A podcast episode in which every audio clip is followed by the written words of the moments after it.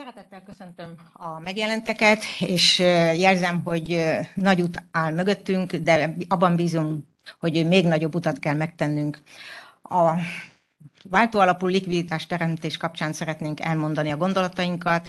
Velünk vannak az online téren, térben számosak. Szeretném, hogyha a jelenlévőket megtisztelnénk egy-egy példányjal a tanulmányunkból, és így segítve az ő hozzászólásokat. Kérem Zsuzsát, hogy adja ki a tanulmányokat. A,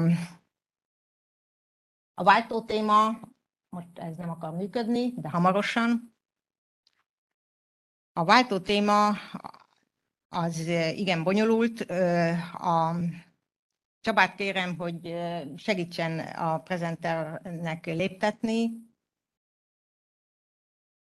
Nem tudok léptetni, addig is jelezném önök felé, hogy ha mai nap nem tudnánk a gondolataink végére jutni, akkor szeretettel várjuk önöket a holnapi nap a Kutatók Éjszakája keretében, este hétkor a Corvinus Egyetem földszinti hármas előadójában.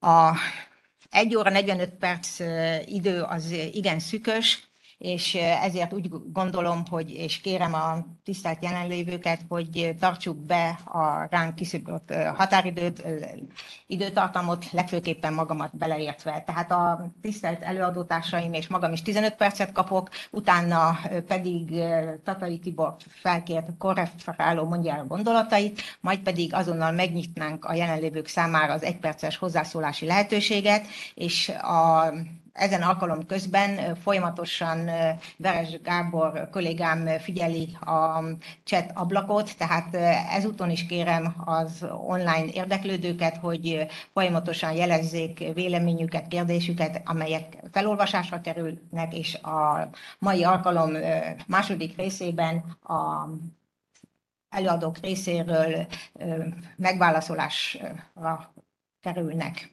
Tehát akkor kezdeném az én bevezetőmnek tartott előadásomat. A váltó téma az igen bonyolult, nem hiába volt a két világháború között több éves szemeszter tantárgyaknak az alapanyaga, és természetesen a 130, 140, 130 perc időben csak kapizsgálhatjuk a lényeget. Ráadásul a ez a ö, ismeret meg van terhelve egy ö, filmhez kapcsolódó ö, gondolattal. A Mixát Kálmán regényéből készült film úgy érzem, mintha átokként sújtaná a közgondolkodásunkat. Bizton remélem, hogy a mai nap is ezen átok feloldásához fog hozzájárulni kodifikációs kiinduló pontot jelent a 2017. évi 185-ös törvény a váltójogi szabályokról, erről majd Szatmárió fog bővebben beszélni. Feltette a kérdés, illetve sokszor hallottam, ó, hogy ez már csak egy avit pénzügyi eszköz. Nekem meggyőződésem, hogy válságokkal terhelt világunkban, amikor a globalizáció kapcsán nagyon sok ellentmondás merült fel, és úgy érezzük sokan, hogy falnak ütközünk, akkor csak egy visszalépéssel juthatunk előre. A tanulmányunkban részletesen foglalkozunk a váltó genézisével, és ez is elgondolkoztat bennünket, hogy mit jelent a visszalépés hogy mi a baj a világunkban, és hogyan lehetne előrébb jutni, számomra örökérvényű mondás Agócs Józseftől származik, aki azt mondta, hogy a világ baja nem az, hogy valamit rosszul csinálunk, hanem az a baj, hogy a rosszat csináljuk, rosszat csinálunk. Mert hogyha a rosszat akarjuk jobban csinálni, akkor az eredmény csak nagyobb rossz lesz. Miközben, ha végre jót csinálnánk, akár rosszul is, az eredmény csak jó lehet. Nem tudom, hogy kinek ugrik be ennek kapcsán Kazinci Ferenc kétsoros epigrammája, aki azt mondta, hogy jót jól, ebben áll a nagy titok, ezt ha nem érted, szánts és ves, és hagyj, hagyjad másoknak az áldozatot. Ebben érezünk egy finom utalást a agrárium, a paraszgazdálkodás értékeléséről, de itt most e pillanatban az a lényeg, hogy Kazincinál a jót és a jól minőségileg egyenrangú kategóriává válik. De nem így van Agócs Józsefnél. Tehát mi a jó? Mi számít jónak? Ki dönti el, hogy mi a jó? Azt gondolom, hogy a hármas kategória mindenképpen figyelemre méltó. A kigondolhatóság, a megvalósíthatóság önmagában nem biztosíték a jó minőségre. Azt gondolom, hogy csak a fenntarthatóság, vagyis a folytathatóság az, ami utólagos garanciát és bizonyságot ad arra, hogy jól végezzük a dolgunkat. Ezúton is szeretnék köszönetet mondani a közgazdasági szemlének, ugyanakkor jelzem, hogy a mi álláspontunk nemzetgazdasági megközelítésű. Ezzel kapcsolatban egy, utalunk egy korábbi elnevezésre, igen, így működik, itt szeretnék rámutatni, de a nyitó honlapon, tehát a közgazdasági szemle bemutatkozó oldalán szerepel, hogy a németből hibásan képzett nemzetgazdasági szót közgazdaságra változtatták. Azt gondolom, hogy a visszalépés esetleg úgy is megfogalmazható, hogy ahogy mi szeretnénk a váltóforgalmazás kapcsán nemzetgazdasági megközelítést kövessünk. A, ahogy jeleztem, jelezni szeretném, a váltóhasználat kapcsán a reál gazdaságot kívánjuk szolgálni.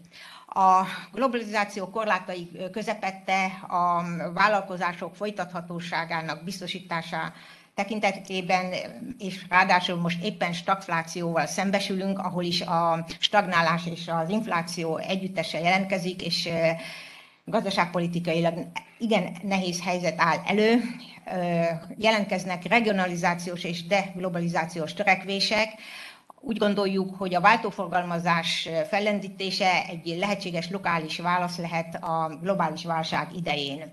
Mindenképpen endogén belső finanszírozási formát jelent nemzetgazdasági szinten. Mit jelent egy jól működő váltóforgalmazás? Egyrészt csökkenti a külső hitelfelvételi kényszert, másrészt fizetési mérlegre pozitív hatású, harmadsorban pedig költségvetési teher nélküli növekedés lehetőségét biztosítja. Azt gondolom, ez a három kategória az, amire napjainkban szükség van.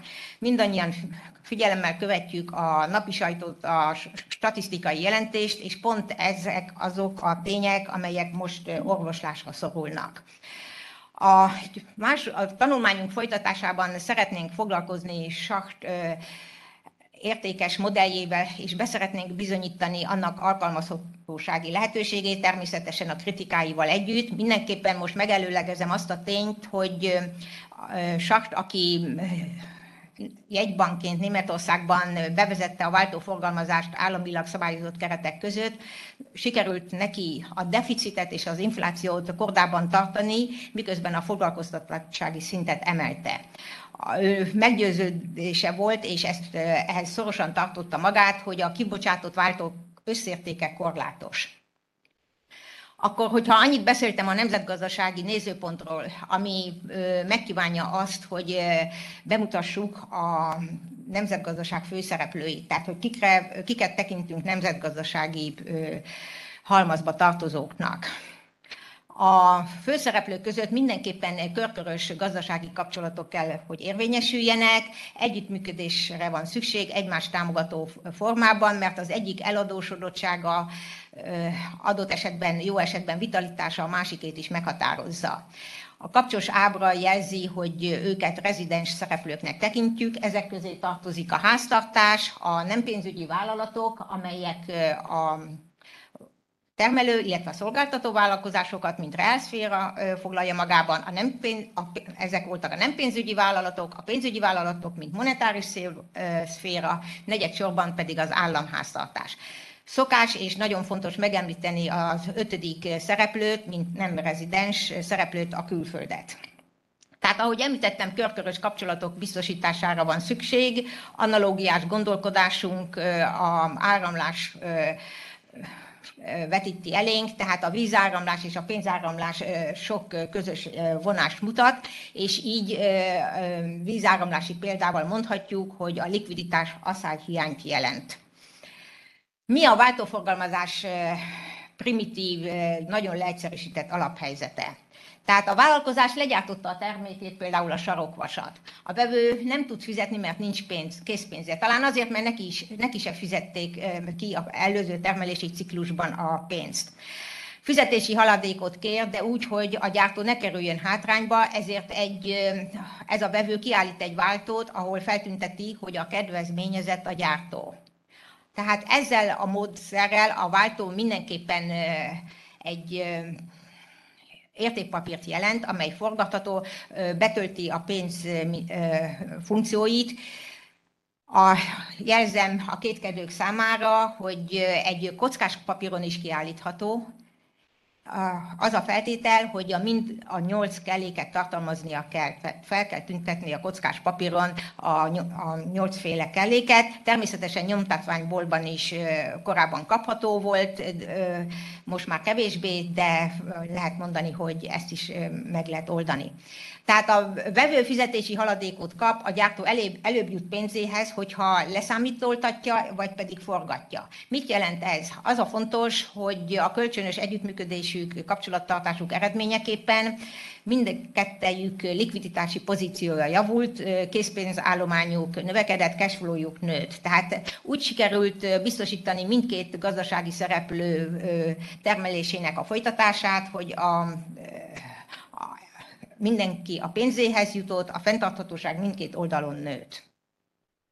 Ez a alaphelyzet is jelzi azt a lehetőséget, amit mi úgy tudunk megfogalmazni, hogy adósság hitel alapú gazdaság helyett alapvetően munkaalapú gazdaságot kell etéren is kialakítani. Mindannyian hallottuk, hogy milyen fontos a foglalkoztatás terén a munkaalapú gazdaság. Azt gondolom, hogy ugyanezt a vállalati környezetben is ki kell alakítani. A stagfláció, amely napjainkat sújtja, váltóforgalmazással véleményünk szerint megoldható, mégpedig úgy, hogy egy új típusú New Deal-t kell kötni a reálszféra és a pénzügyi szféra között, ahol is az állami szabályozás, mint állami adminisztráció, mint közreműködő venne részt. A New Deal lényege az, ennek a típusú New Dealnek, hogy nem a Roosevelti New Deal-hoz hasonlóan nem a banki szférába visszük be a plusz likviditást, hanem a vállalkozási szférába. Baksai Matolcsi Virág által szerkesztett kötet, mint globális vitairat foglalkozik az új fenntartható közgazdaságtan megfogalmazásával. Azt gondoljuk, hogy ezt váltóforgalmazással kiegészítve szolgálhatná a folytathatóságot. Matolcsi György, mint jegybank elnök beszélt a kanyarba előzés lehetőségeiről. De ez az a plusz a váltóforgalmazás esetén, amely plusz nyomóerőt biztosít a vállalkozások motorjai számára, ugyanakkor nagyon fontos, hogy a kisodródást akadályozzuk meg, tehát egy olyan korlátot építsen fel az állami szabályozás, amely biztosítja az előzés utáni folytathatóságot. És természetesen addig is az összes válság jelenségeket, mint a körbetartozásokat, a, akár a uzsora alapú kapcsolattartást, ezeket mind kezelni kell. Mit jelent a, finansz, a piaci finanszírozás? A banki finanszírozás mellett a másik finanszírozási forma modellisztikus értelembe véve a piaci finanszírozás, és ezek közé soroljuk a váltóforgalmazást is. Betshauben 2020-as tanulmányában kimutatta, hogy ez a finanszírozási forma pótkereket jelent a banki finanszírozásról által előidézett problémák kezelésénél, különben azok a gazdaságon végiggyűrűzve az egész gazdaságra kiterjednének is is alapelevre van szükség, szokták mondani, hogy tipikus win-win szituáció a vagy-vagy hozzáállás helyett. Tehát a váltóforgalmazással ki kellene védeni a banki ellenállást, egyrészt, másrészt javasoljuk, hogy a hitelképességi mutatók mellett szerepeltessük a váltóbeváltás képességének a mutatóit is, illetve bizonyos vállalati szint alatt kötelező legyen az avalizáltatási köte- beszerzése.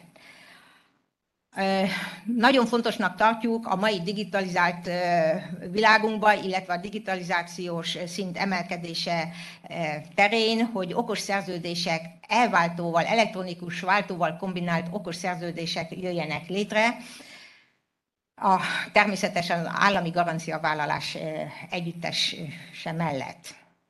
És akkor elérkeztem az utolsó diámhoz, amely ábrázol valamit. Kérdés az, hogy ezt hogyan tudjuk értelmezni. A szalagcímekben hozzák most az újságok, hogy nyakunkon a válság. Azt gondolom, hogy a, rajtunk is múlik, hogy hogyan fogalmazzuk meg, és mit engedünk testközelbe hozzánk.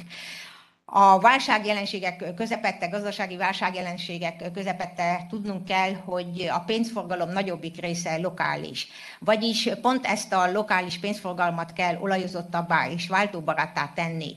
A rövid ellátási láncok megvalósítása önmagában nem elégséges, hanem a rövid és közvetlen vállalatközi hitelezési kapcsolatokat kell kialakítani a váltóforgalmazással is, és ezáltal megvalósulhat, hogy nyakunkon a mentőöv legyen, és ne a pallos. Köszönöm a figyelmüket, és én ezennel átadom önöknek a szót, és jelzem, hogy a folytatás lehetősége az holnap nyitva áll valamennyiünk számára. Köszönöm a figyelmet. És akkor felkérem Novák Zsuzsannát, most én becsukom, kérdezem a technikus kollégámat.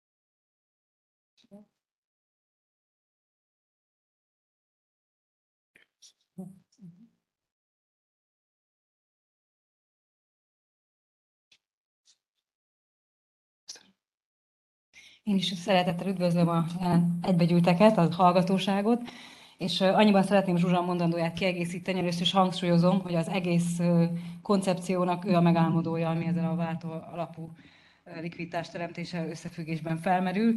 Mi csak szerény támogatói voltunk ebben a nemes küzdelemben, és persze egy ilyen társzerzős cikk esetében, mint amilyen a miénk is, nagyon sok érdekes szempont összeütközik azáltal, vagy, vagy felmerül, azáltal, hogy a szerzők különböző területeket képviselnek, és Zsuzsa, Zsuzsanna vállalat, vállalati közgazdász, vállalatgazdaságtan oktató, Géza jogász, tehát ő abszolút a jogi oldaláról látja dolgokat, én pedig makroközgazdász vagyok. Ez nagyon jól összefoglalja mindazt, amit a váltóval kapcsolatban tudhatunk, vagy érdekes lehet, ez a három megközelítés, de egy kicsit talán a cikkben keverednek is ezek a gondolatok, olyan, mint a cikáznánk bizonyos területek között, és próbálok most egy kicsit ilyen rendet teremteni, egy kicsit közgazdasági oldalról meg érthetőbbé tenni azt, amit le akartunk írni. Tehát van két fontos gazdaságtörténeti előzmény, amire építettünk a, a cikk megírása során. Az egyik a magángazdaságban kialakuló váltó, mint az értékpapírok atya, ami az értékpapíroknak az alapvető előzményeként szerepel, és a mai, máig a legkiforrottabb értékpapírként tekintenek rá. Ezt Tomori Erika is megerősíti az értékpapírokról írott jegyzeteiben. Egyben pénzhelyettesítő is, ugye a modern bankjegy kialakulásához a bankári váltó egy elengedhetetlen közvetítő eszközként jelentkezett, és most pedig azt látjuk, hogy azzal, hogy a, a halasztott fizetésre oly sok eszköz rendelkezésünkre áll, és a maga a pénz, a szűk értelemben vett pénz és a dematerializálódás irányába hat, felmerül az, hogy nem lehetne ezt a váltót ugyanúgy egy ilyen dematerializált formában bevetni ismét a köztudatba.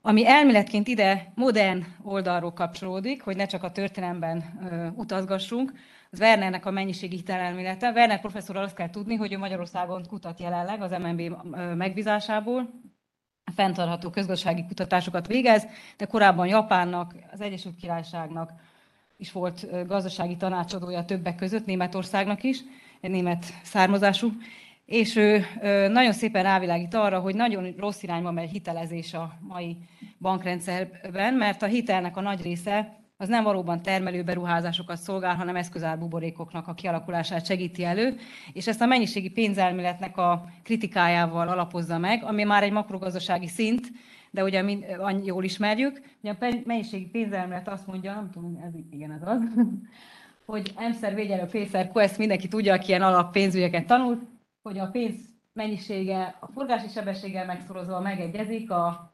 pénzben kifejezett árszínvonalnak és a reálgazdasági tranzakcióknak a szorzatával.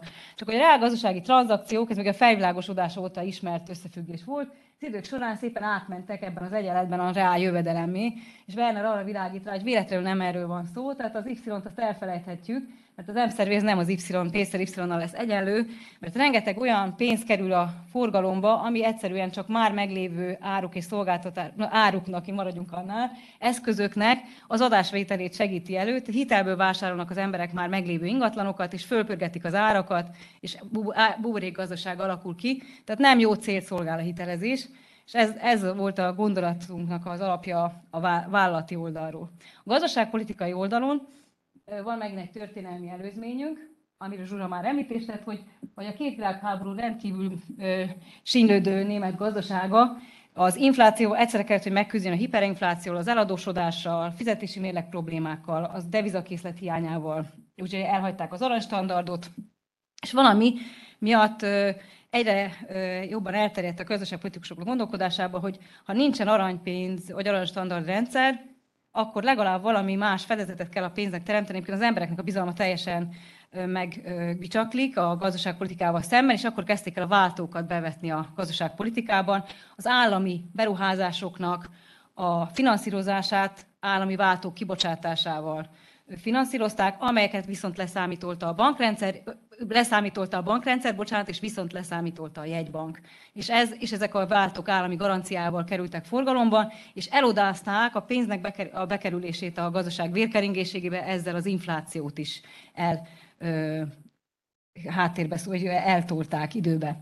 És ennek egy modern, modern ö, kapcsolódása, ami gondolatmenetünkhöz, Roy és szerzőtársainak a először 2007-ben, majd tovább években is kiadott fiskális térrel kapcsolatos összefüggésrendszer egy ilyen gyémántal ábrázolható, amit ők gondolnak, hogy egy, egy fejlődő ország, persze ez egy feltörekvőre és nyugodtan értelmezhető, általában fiskális beszűkült térrel kell, hogy szembesüljön a maga makrogazdasági erőforrásainak a korlátaival, a külföldi finanszírozás segélyek adta térrel, a belső erőforrásokkal, és akkor a kormányzat, amit tehet ilyenkor, hogy legalább megpróbál hatékonyságjavulást elérni a költségvetési kiadások a ö, ö, ütemezésével és, és forrás finanszírozásával kapcsolatban, és erre hagyatkozunk annál, hogy megvan ennek a mai modern magyarázata, és miért szükséges az, hogy az állam új ez pénzügyi eszközöket vessen be, azt, hogy a finanszírozását előmozdítsa.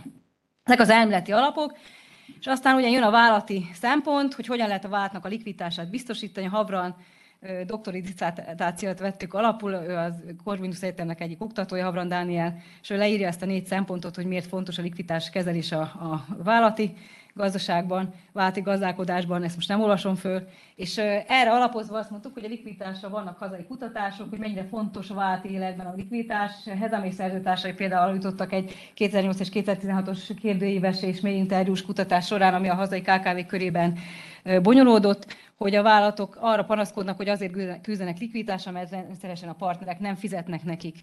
Csikáni szerzőtársai hasonló eredményre jutottak a 2019. évi felmérésük során, hogy némely vállalat tudatosan késve fizet a szállítói felé, tehát ez a vállalati szintű lánctartozásoknak a, az eredője, amin a váltó olyan szinten segíthetne, hogyha nem is fizet, ha csak halasztott fizetésről van szó váltó esetében is, de legalább a kezébe kapja a váltót az a ö, szállító, amelyiknek azonnal nem fizetik ki a leszállított árukészletét, így megkönnyítik az készletértékesítést, és azzal, hogy leszámítoltatni tudja a váltóját, nyilván rövidtávú finanszírozásra is nagyobb esélye lesz.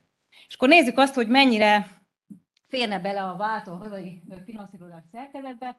Ha azt nézzük, hogy az euró bevezetése óta hogyan alakult a hitel és a saját tőke részesedése az euróvezeti gazdaságokban, és a magyar gazdaságban a nem pénzügyi vállalatok forrás szerkezetét illetően, akkor igen hasonló, opa, bocsánat, nem jó nyomtak, igen hasonló tendenciákat figyelünk meg, illetve igen hasonló a, a szerkezetnek a százalékos aránya, ha az összes forrásra vetítjük. Igazán mostanában nálunk egy kicsit elmozdulás történt a, a hitelből történő finanszírozás javára, az euróvezetben pedig a saját tőke finanszírozás javára, de nem, nem legyenek egy pár százalék pontos eltérések. Ami viszont már szembeszökő különbség az az, hogy nálunk nincsenek hitelviszony megtestesítő értékpapírok a vállalati szektorban. Ezt, ezt mindenki nagyon jól tudja. A Nemzeti Bank is nagyon sokat publikált erről, be is indította a növekedési kötvényprogramját, ennek a hatását egyértelműen ki lehet mutatni ezen az ábrán. Ez dobta meg a hitelviszony megtestesítő értékpapíroknak a, a százalékos részesedését, de hát még mindig csak a két százalék körüli mértéket sikerült, és a programot leállították, és csak a nagyokat szolgálja. Tehát ez, ez csak a nagyvállalatoknak adott egy, egy plusz likviditási lehetőséget a, a, a piacon, illetve a papírjaiknak egy likviditási töbletet, vagy forgalmi töbletet, a KKV-knak ez nem segít. Másik, hogy nincsenek rövid lejártó értékpapírok Magyarországon a vállalati szektorban. Egyáltalán nincs ilyen, hogy rövid lejártó értékpapír, de ez persze azért is van, mert ha lenne is változna, nem lenne ebben a statisztikákban, de most ebben nem megyünk bele. És akkor jön az állami oldal, a gazdaságpolitikai oldal, Jelenleg, ahogy Zsuzsana is említette, egy válságos időszakot élünk, ma megszoktuk egyik válság után a másik. Tulajdonképpen akik ilyen Kondratyev ciklusokkal, technológiai ciklusokkal foglalkoznak, azt mondják, hogy talán 2030-ban már nem lesz ez. De addig, amíg nem lesz egy nagy technológiai változás, folyamatosan válságokban leszünk, válságos időszakoknak a mélypontjait éljük meg, és néha egy kicsit kimegyünk belőle. De amit a járvány okozott válságot, azt még megtetézte ugye ez az ukrán orosz-ukrán háború, és emellett van egy nagy probléma, ami már eleve fennállt a magyar gazdaságban, tehát nem a mostani energiahelyzet váltotta ki, hanem Magyarországon energetikai korszerűsítésekre van szükség. Ezt én nem vagyok, nem az én tisztem, hogy megítéljem, hogy ezt milyen forrásból és hogyan és hogyan tudja megvalósítani az ország, az államháztartás. Annyit tudok, hogy az államháztartás folyamatosan a konvergencia programokban csökkenő államadóság pályával számol.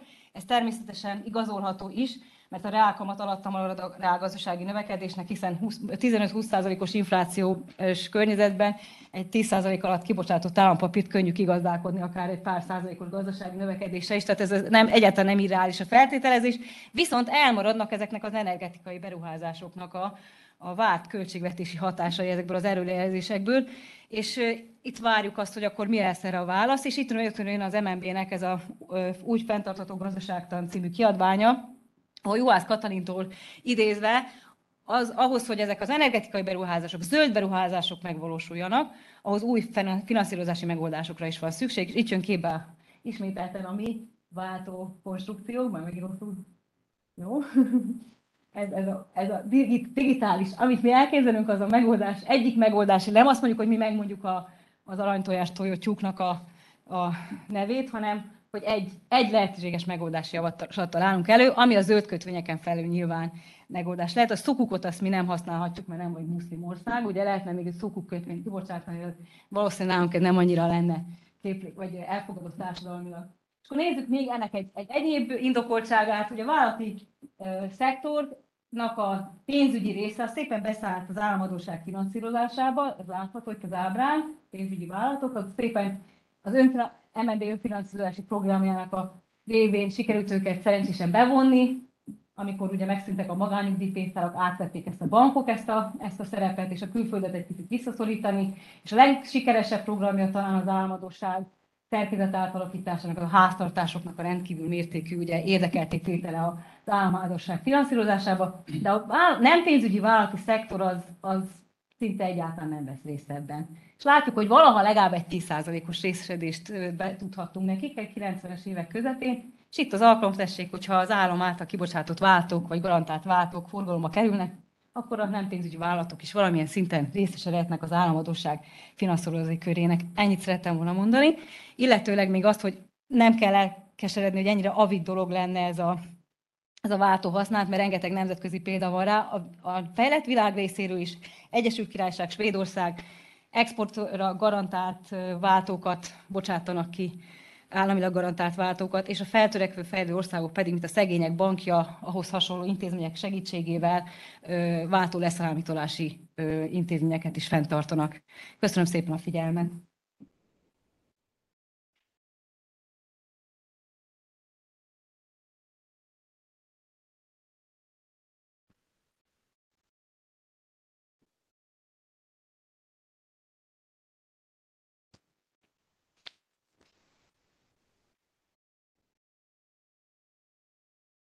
Jó, így tarthatom.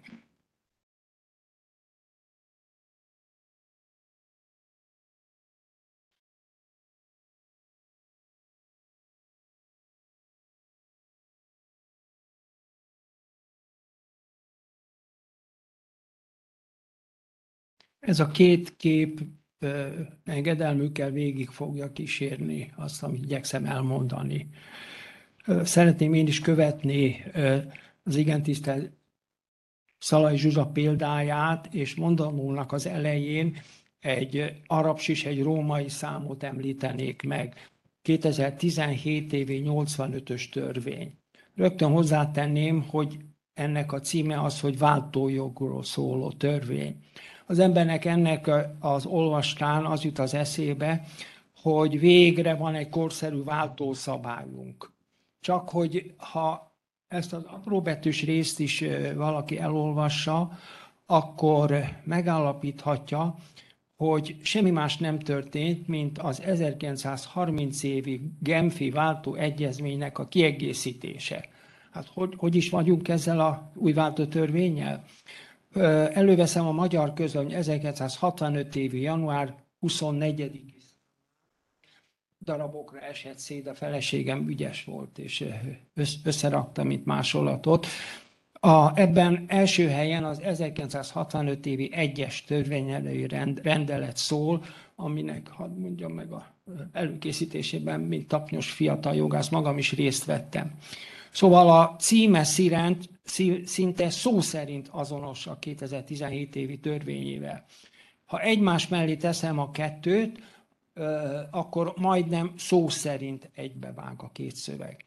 Kétségtelen, hogy 2017-ben 10, azaz 10 darab kiegészítést ragasztottak hozzá egyes paragrafusokhoz, ami, hadd használjam a modern szót, a realszféra számára teljesen érdektelen bekezdés. Azon kívül van benne még egy, ja, és a törvény 99 szakaszból áll, és ehhez van 10 darab kétsoros kiegészítés. Van ugyan egy 13. fejezete is az új törvénynek, ami viszont kizárólag a bíróságokra és az ügyvédekre vonatkozik. Tehát eltelt 52 év, és gyakorlatilag váltójogilag a világon semmi nem változott, csak a fenti jelentéktelen, a közönség számára érdektelen kiegészítések születtek meg.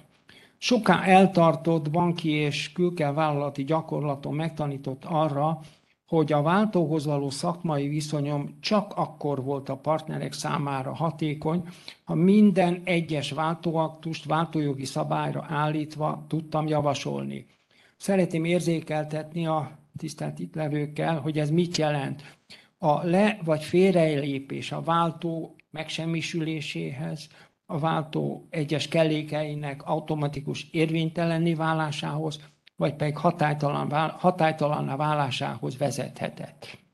Még a bírói ítéletek, e, ez a formalizmus azért hangsúlyozandó, mert még a bírói ítéletekre e, épített és agyon imádott angol száz jogrendszerben is a váltókról kettő darab törvény szól. Angliában a Bill of Exchange Act a 19. századból, és az USA-ból a Uniform Commercial Code-nak e, azt hiszem egy fejezete, ami a 20. századnak az elejéről származik. Tehát előadásom tele lesz paragrafusokra hivatkozással, ám bár nem paragrafusokkal kezdeném, hanem a fizetési haladék kérdésével. Ugye a Tesco, az Oson és a többiek vajon miféle kikötéseket alkalmaznak, amikor a szerződéseket aláíratják, mondjuk tojás, burgonya, gyümölcs, vagy pedig zöldségszállítókkal ezekről soha semmit nem hallani. Valamilyen módon én is megint bekerültem az érdeklődés körébe, és ezért tudok valamit.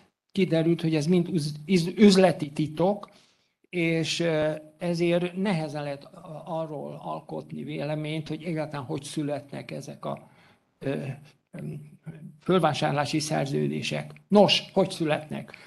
A cég képviselői átadnak a termelőnek egy tekintélyes hosszúságú blankettát, amelynek van egy fizetési feltételek című fejezete, és ebben a fejezetben az áll, hogy a termelő csodálatos módon az áruér vételárat kap 30, 60 vagy pedig 90 nap után.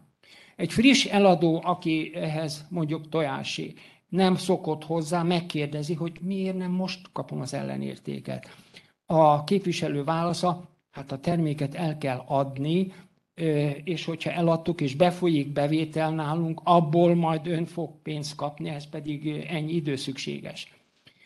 Mivel a nagyobb mennyiségeket a bevásárló központok veszik meg, ezért a termelő sóhajtva belenyugszik a kikényszerített fizetési haladékba, hiszen ez hallja a többiektől is, hogy ugye úgyse, úgyse lehet csinálni semmit.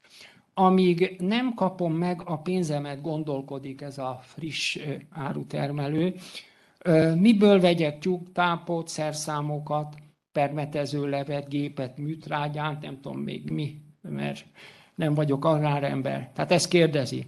Hát bankhitelt kell akkor fölvennem, hogy ezeket be tudjam szerezni. Ha ugyan ilyen célokra adnak a bankok a hitelt, mennyi időre adják, mekkora kamatot sóznak a nyakamban, mekkora THV-t kell, THM, ugye? THM-et kell fizetnem, mekkora ezt, ezen felül a jutalék, a bankköltség, és, és mekkora, mely vagyontáramat kell a bankhitel biztosítékaképpen elzálogosítani. Működik, vagy tulajdonképpen működhetne ennek a fordítottja is, maradjunk a bevásárló központoknál, hiszen ez a bevásárló központ nagyon nagy értékű tárgyak értékesítésébe is belefoghatna, amiben most tudomásom szerint még nem fogok, nem akarok példát mondani, én olyat biztos nem fogok venni, és ezeknek a megfizetésére a vevőknek haladékot, fizetési haladékot ajánlana föl. Nem ezt a bonyolult részletfizetési valamit, hanem egy egyösszegű fizetési haladékot. Más elcsatolt terület, és, ja, a később, más elcsatolt, hát elnézést az irredent a kifejezési területeinken alapítandó, működő magyar tulajdonú cégek is kaphatnának, illetőleg nyújthatnának egymásnak hitelt. A felsorult tulajdonságú, a biztonságot abszolút nélkülöző helyzetek végtelenül igazságtalanok. Akik a fentiek leírtata szerint kénytelenek eltűrni az azonnali kifizetés elmaradását, forgóhiányjal szembesülnek, viszont a pénzt nem fizető, ki nem fizető, az viszont forgótőke többlethez jut. A fizetési haladékot nyújtónak behajthatósági kockázattal kell számolnia, ez kétségtelen, és számolni kell azzal, hogy a forgótőkéje csökken. A pénzt ki nem fizető viszont nagy értékű áruhoz jut, most a bevásárlói központok nagy értékű értékesítéséről beszélek, nagy értékű áruhoz jut, az ellenérték általa tervezett rendezéséig, finoman kifejezve, vagy rendezetlenül hagyásáig. Biztonságot az nyújthatna, ha a fizetési haladékot kikötő átvevő az eladónak megfelelő váltót adna. A fizetési haladékot nyújtó pedig a vevőjétől megfelelő váltót kaphatna. Nos, a taglat esetekben mit tehetnek az áruértékesítések folytán váltóhoz jutott, jutottak el, és erről részletesebben beszélek, de kitűnő előadóim ezt rám hagyták. Szóval a, természetesen semmi haszon nincs abból, hogyha a váltó nevet viselő papírt, aki ezt megkapta, tartogatja. Pénzre kell őket átváltani, ha szabad ezzel a szóval egy kicsit játszanom. Például olyanoknál, akiknek a váltóban írt adósokkal szemben valamilyen fizetési haladék leteltekor behajtási érdekeltsége van, annak például el lehetne adni a váltót. Nos, leginkább a bankok azok, legalábbis évszázadokon keresztül ilyenek voltak, akik egy százalékon aluli, ismétlem, egy százalékon aluli jutalék összeggel csökkentve, díj, bocsánat, díjja csökkentve, megvették a váltót, azaz benfentes nevőkön, és mi neveztük, leszámítolták, diszkontálták, amit semmit nem mond egy normálisan gondolkodó magyar ember számára. Hosszú ideig tartana, ha most ismertetném, milyen módon győződtek meg a bankok arról, hogy a váltó adóstól, akinek a váltóját meg, megvásárolta, fizetni fog elejáratkor, vagy pedig behajtási perre lenne szükség a váltóösszeg tekintetében. Az állampárti időben, mint MNB dolgozó szobatársam voltam, egy nagy tudású kollégának, aki a leszámítoló és pénzbanknál dolgozott, mert ilyen is volt, de egy bank csak ezzel foglalkozott, és elmagyarázta, hogy milyen módszereket alkalmaztak a fizető, a váltó adósok fizető képességének a kiderítésére. A, elmagyarázta nekem, hogy az igazi az volt, hogyha a leszámítoló bank váltó kezességet kapott, ezt a váltótörvény 31-32. szakasza szabályozza, és váltó kezességnek nevezi. Nos, a, ez biztosította a váltó összegnek a kifizetését, ugye kétszeresen az adós és a kezesnek a kifizet, kifizetési kötelezettsége. A kezes az általában egy másik bank volt, aki a kötelezettséget magára vállalta, és magára a váltóra, vagy a váltónak úgynevezett oldatára, mert ha sok forgatmány volt, akkor hozzá kell papírt ragasztani a váltót, írta rá a kezességet, megjelölte, hogy ki az, akiért vállalta.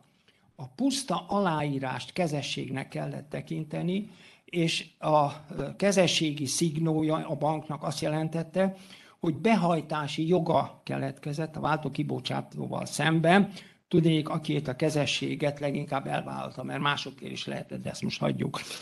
A kicsi leszámolási, leszámítolási díjak dacára a kereskedelmi bankok mégsem álltak el a diszkontálástól. Vajon miért? Azért, mert a megvett váltókat erről soha nem lehet hallani. Főleg a kezességgel megerősített megvett váltókat nettó áron, tehát levonás, további levonás nélkül értékesíteni tudták. De hosszú idő után kiformálódott egy rendszer, hogy a nagy bankok, az emissziós bankok, a nemzeti bankok léptek föl vásárlóként, úgynevezett visszleszámítoló, illetőleg rediszkontáló pénzintézetként. Egy újabb kis váltó diszkontdíjat csökkentették a váltó összegét. Nem sokára ismertetem majd az antiinflációs állampolitikai aktussal kapcsolatos szerény gondolataimat.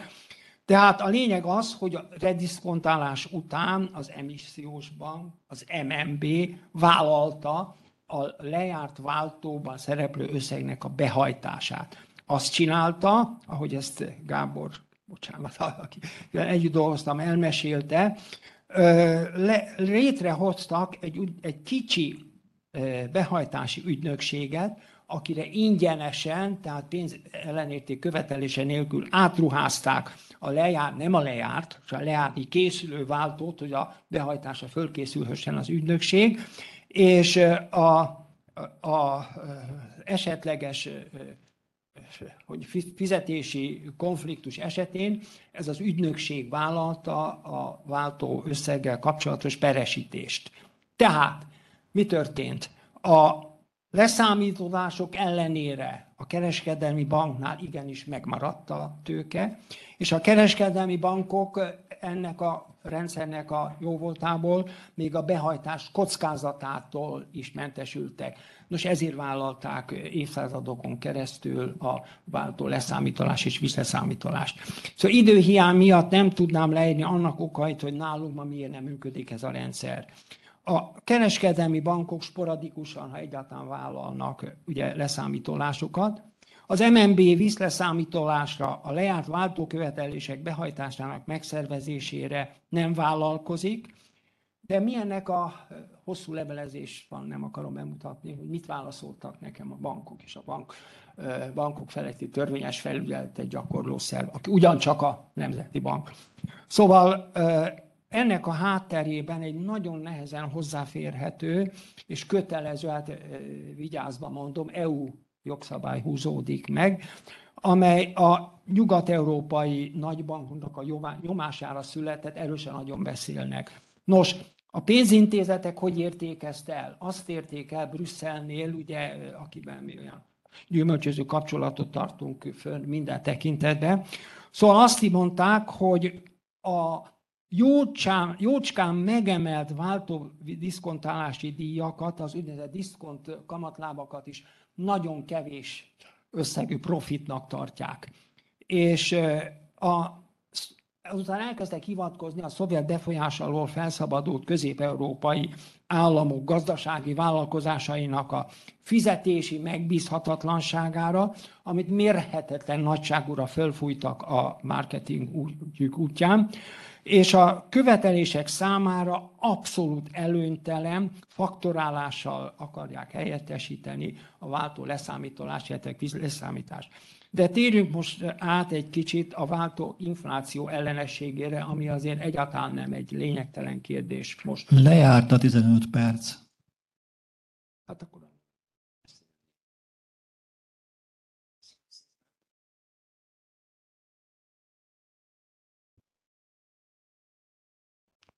Azért jelzem Szatmári úrnak, hogy még lesz eh, alkalma hozzászólni, és akkor eh, és kifejteni a véleményét. Eh, nagyon jól haladunk egyébként az idővel.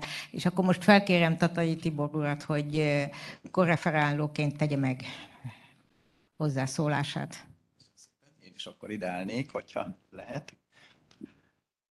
Köszönöm először is a megtisztelő lehetőséget abban, hogy itt a közgazdasági szemle szerkesztői, lektorai után talán egyik elsőként olvashattam én is ezt a kiváló cikket, és még lehetőséget is kapok itt, hogy pár szóba én is összefoglaljam a erről szóló gondolataimat, bár egy kicsit úgy érzem magam, mint amikor egy, egy költeményről, vagy, vagy pedig egy egyéb írásműről kell véleményt mondani egy kritikusnak, nem csak a közönség, de a szerzők is ott vannak, és a rosszallásokat ők is egyből ki tudják fejezni. Hát megpróbálom azért összefoglalni itt az előadásokat is hallva, hogy nekem mik jutottak eszembe, amikor ezt a tanulmányt olvastam, ami most itt a közgazdasági szemle hasábjain is megjelenik. Amikor ugye közgazdasági tanulmányokat elkezdjük, pénzügyi tanulmányokat, akkor a pénzfunkciókat rögtön meg szoktuk tanulni, legalábbis régebbi időkben, és hát úgy az ember lejegyzeteli, hogy fizetési eszköz funkció, forgalmi eszköz funkció, de hát ezek ugye egyből nem mondanak olyan túl sokat az embernek. Később, amikor hát a tanulmányai kiteljesednek, illetve egy kicsit a gazdaságba is körbe néz, akkor ezek a dolgok is jelentéssel telnek föl, akár makroszinten, akár mikroszinten, hiszen hát ugye az egyik kérdés, akár hogyha a 2000-es éveinkre gondolunk, hogy a pénz, a pénzteremtés hogyan és miként is történik, Ugye korábban akár a, a aranypénzrendszert is elvitte az a kérdés, hogy megfelelő mennyiségű pénz van-e a gazdaságban. Hogy a gazdaságnak a visszafogója volt, hogy a monetizált nemesfénbázis nem volt elegendő a pénzforgalomnak a bonyolítására. Napjainkban ugye kérdésként merül fel a 2000-es években, hogy mennyi pénzt teremtsen a bankrendszer, jegybank, kereskedelmi bankok, hogyan illeszkedjen ez a tényleges pénzigényhez, gazdaság tényleges pénzigényéhez, hogy ne legyen infláció, ne legyenek árbuborékok? Mm, stabilitási kérdéseit a bankrendszernek ne veszélyeztesse a pénzteremtés, a hitelezés, a kölcsönzés, illetve hogy hogyan igazodhasson mégis a forgalomnak a pénzigényéhez a pénzteremtés, hiszen ugye általában azt látjuk, hogy prociklikusan működik a bankrendszer, tehát pénzbőség van, amikor nőni tudna a gazdaság, ugye nő, egy kicsit túl is fut ez a hitelezés, árfolyam buborékok keletkeztek máskor, amikor pedig likviditás szűke jelenik meg, sok helyütt a gazdaságba, akkor pedig a kockázatok miatt a pénzteremtés, a bankrendszernek a pénzteremtése az visszafogottá válik. Én örültem, hogy erre a régen jól bevált, évszázadok óta jól bevált eszközre, a váltóra ráirányítja a tanulmány a figyelmet, hiszen ez tényleg endogén módon tud némileg alkalmazkodni a forgalomnak a pénzigényéhez, illetve ott tud alkalmazkodni a, forgalomnak a pénzigényéhez ez a hitelezési eszköz, ez az instrumentum, ahol arra szükség van. Ugye egyrészt itt szó van a tanulmányban arról, hogy a gazdaságnak a növekedéséhez, stabilitásához hogyan járulhat hozzá a váltó. Én izgalommal olvasnék egy második részt, amire utalnak a tanulmányba, a német példa, a német gazdaság történeti példa, ugye a sakféle példának a kifejtésére. Hát nem mindent kell újra kitalálnunk. Van, ami működött, próbáljuk levonni a tanulságokat abból, és egy kicsit átgondolni, hogy mai körülményekre tudnánk-e adaptálni korábban már megszerzett tapasztalatokat, alkalmazható ez. Remélem, hogy a szerzők tollából esetleg később ez a kifejtés meg fog születni.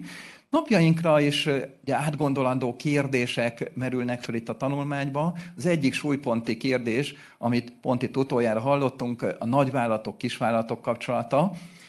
Én olvastam olyat még 70-es évekbeli amerikai pénzügytan könyvbe, volt, amit kétszer is megnéztem, hogy tényleg az van-e, hogy van egy nagy vállalat, ami hitelképes. És a beszállítóival ő megosztja azt a lehetőséget, hogy olcsón jut finanszírozási forráshoz. Hát most ugye új korszerű szóval élve azt mondhatnánk, hogy az értéklánc olcsóbban tud működni, hiszen olcsóbb finanszírozást tud összességébe szerezni. Hát ez a helyzet megfordult. Ugye? Nagy vállalatok nem csak nyereség szempontjából nyomják a fedezeti pontig a kicsi közepes vállalkozás beszállítóikat, hanem likviditási szempontból is. Igen, odáig elmennek, hogy 90-180 napos fizetési határidő van a szerződésben, és hát nem mindig sikerül még ezt sem tartani valamilyen ok miatt, míg hogyha megnézzük egyes, főként kereskedő cégeknek a mérlegeit, akkor ilyen negatív forgó tőkéket is látunk benne, tehát valaki kívülről finanszírozza a tartós befektetéseit is szállítói oldalról néhány cégnek. Kérdés ugyanakkor itt, hogy a polgári jogi viszonyokba hogyan lehet belenyúlni, tehát ez a erő, nyilvánvaló erő fölény, ez mennyire indokolná azt, hogy ezekbe a magánszerződésekbe valamilyen kötelező állami szabályozási oldalról bele lehetne nyúlni. Ugye egyrészt a fizetési határidők, másrészt például, hogy a fizetés tényleg bekövetkezzék, hiszen ezek a nagy cégek általában azért fizetőképesek, egy fizetési biztosítékul egy váltó kerülne kibocsátásra, tehát legalább a szerződésben kialkodott időpontban biztosan a szállító a követeléséhez juthasson.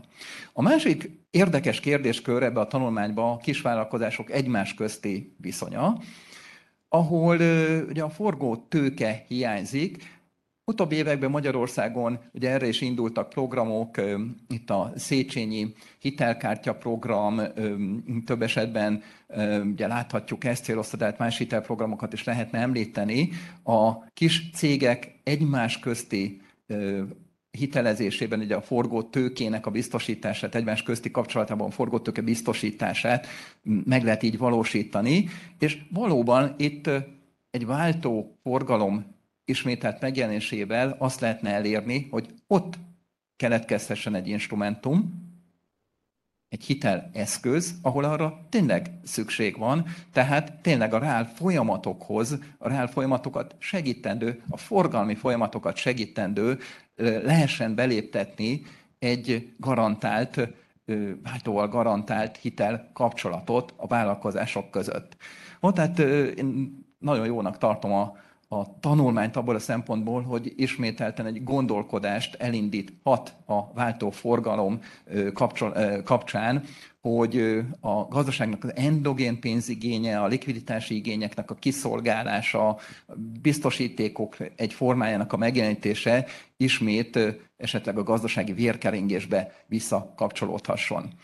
Most hát néhány megjegyzés talán, ami még eszembe jutott, hisz hát a ember ugye, hogyha olvasgatja akár gazdaság történetileg a váltó történetét, hozzákapcsolódó szabályzást, vagy a új ugye, szabályozást, itt ugye a garanciális elemek hogyan jelenhetnek meg. Nyilván ez egyfajta átgondolást igényelhet, hogy hogyan lehetne ezt a váltóforgalmat ismételten elindítani, milyen garanciák kapcsolódnak. A 1990-es évek elején elindult Magyarországon is ismét a váltóforgalom. Ezt főként abból látja az ember, hogyha elolvassa az akkori legfelsőbb bíróság kúriának a döntéseit, Hát a 90-es évek közepére értek oda a perek, hogy a kória bizonyos döntéseket hozott, például a váltókellékekkel kapcsolatosan, hogyan lehet pótol, nem pótolható, egyéb más ilyen döntések születtek, tehát elindult egy váltóforgalom, de nagyon gyorsan is meg is állt. Miért? Hogyha a Genfi váltójogi konvenciót olvassa az ember, de akár most az új váltótörvényünket, 2017-es váltótörvényt, akkor az első, amivel indít, az idegen váltó. Ugye? És a saját váltó következik majd csak később.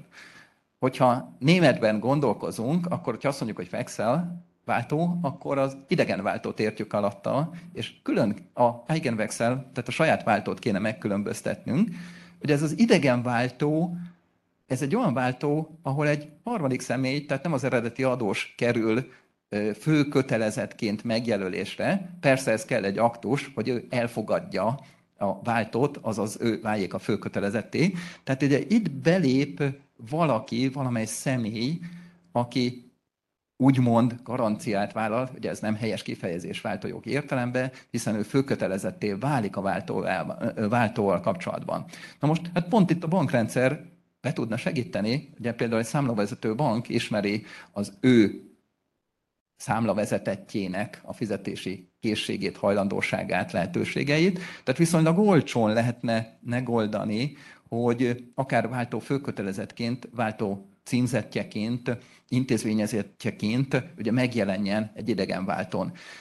Garanciavállalás, kezességvállalás, közbenjárás, a váltójog nagyon szép, nagyon színes, hogy milyen módon léphetnek be akár az állam, különböző személyek a váltón a kötelezeti sorba, és hogyan tudják ők a váltóforgalomnak ilyen módon a hátterét biztosítani.